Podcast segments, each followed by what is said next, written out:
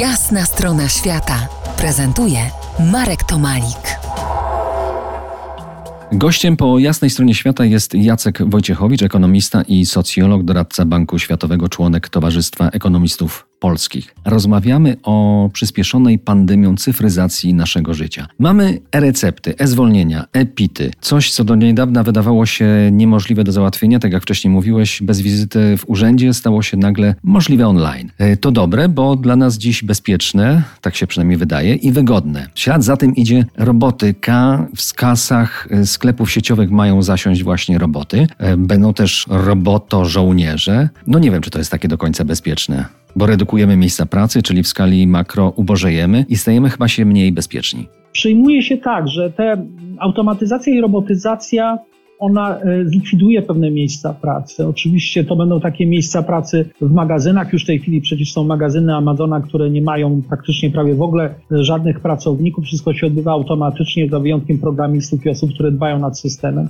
Zginą miejsca pracy w kasach, e, w supermarketach. Natomiast e, zginą również takie miejsca pracy jak praca kierowców, jak praca pilotów samolotów, co może dziś się wydawać całkowicie niemożliwe. Ale te miejsca pracy tak naprawdę pozwolą pozwolą ludziom na to, żeby odnajdywać się w bardziej kreatywnej pracy. Ta praca będzie miała inny charakter, będzie miała inny rozmiar, więc ja bym się tego specjalnie nie obawiał. A powiedz, jak ekonomista widzi y, rozwój turystyki, powiedzmy tej międzykontynentalnej w najbliższej przyszłości? Będą inne standardy podróży. Ja myślę, że część osób będzie się też bała podróżować. I zanim ta trauma ustąpi, takie poczucie zagrożenia, nawet jeżeli ustąpi pandemia, to to jeszcze chwilę potrwa, więc będzie mniej tych podróży.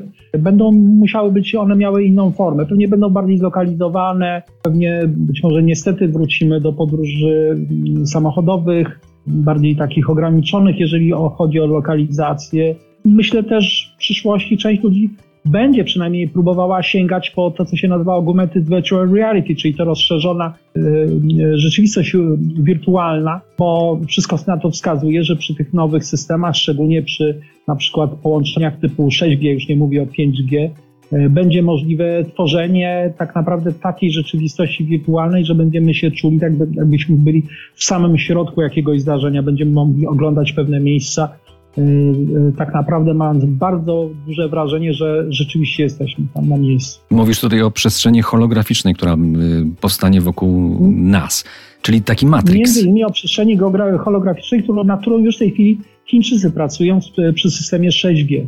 Do nowych technologii w służbie człowieka wrócimy za kilkanaście minut. Zostańcie z nami po jasnej stronie świata. To jest jasna strona świata w RMS Classic.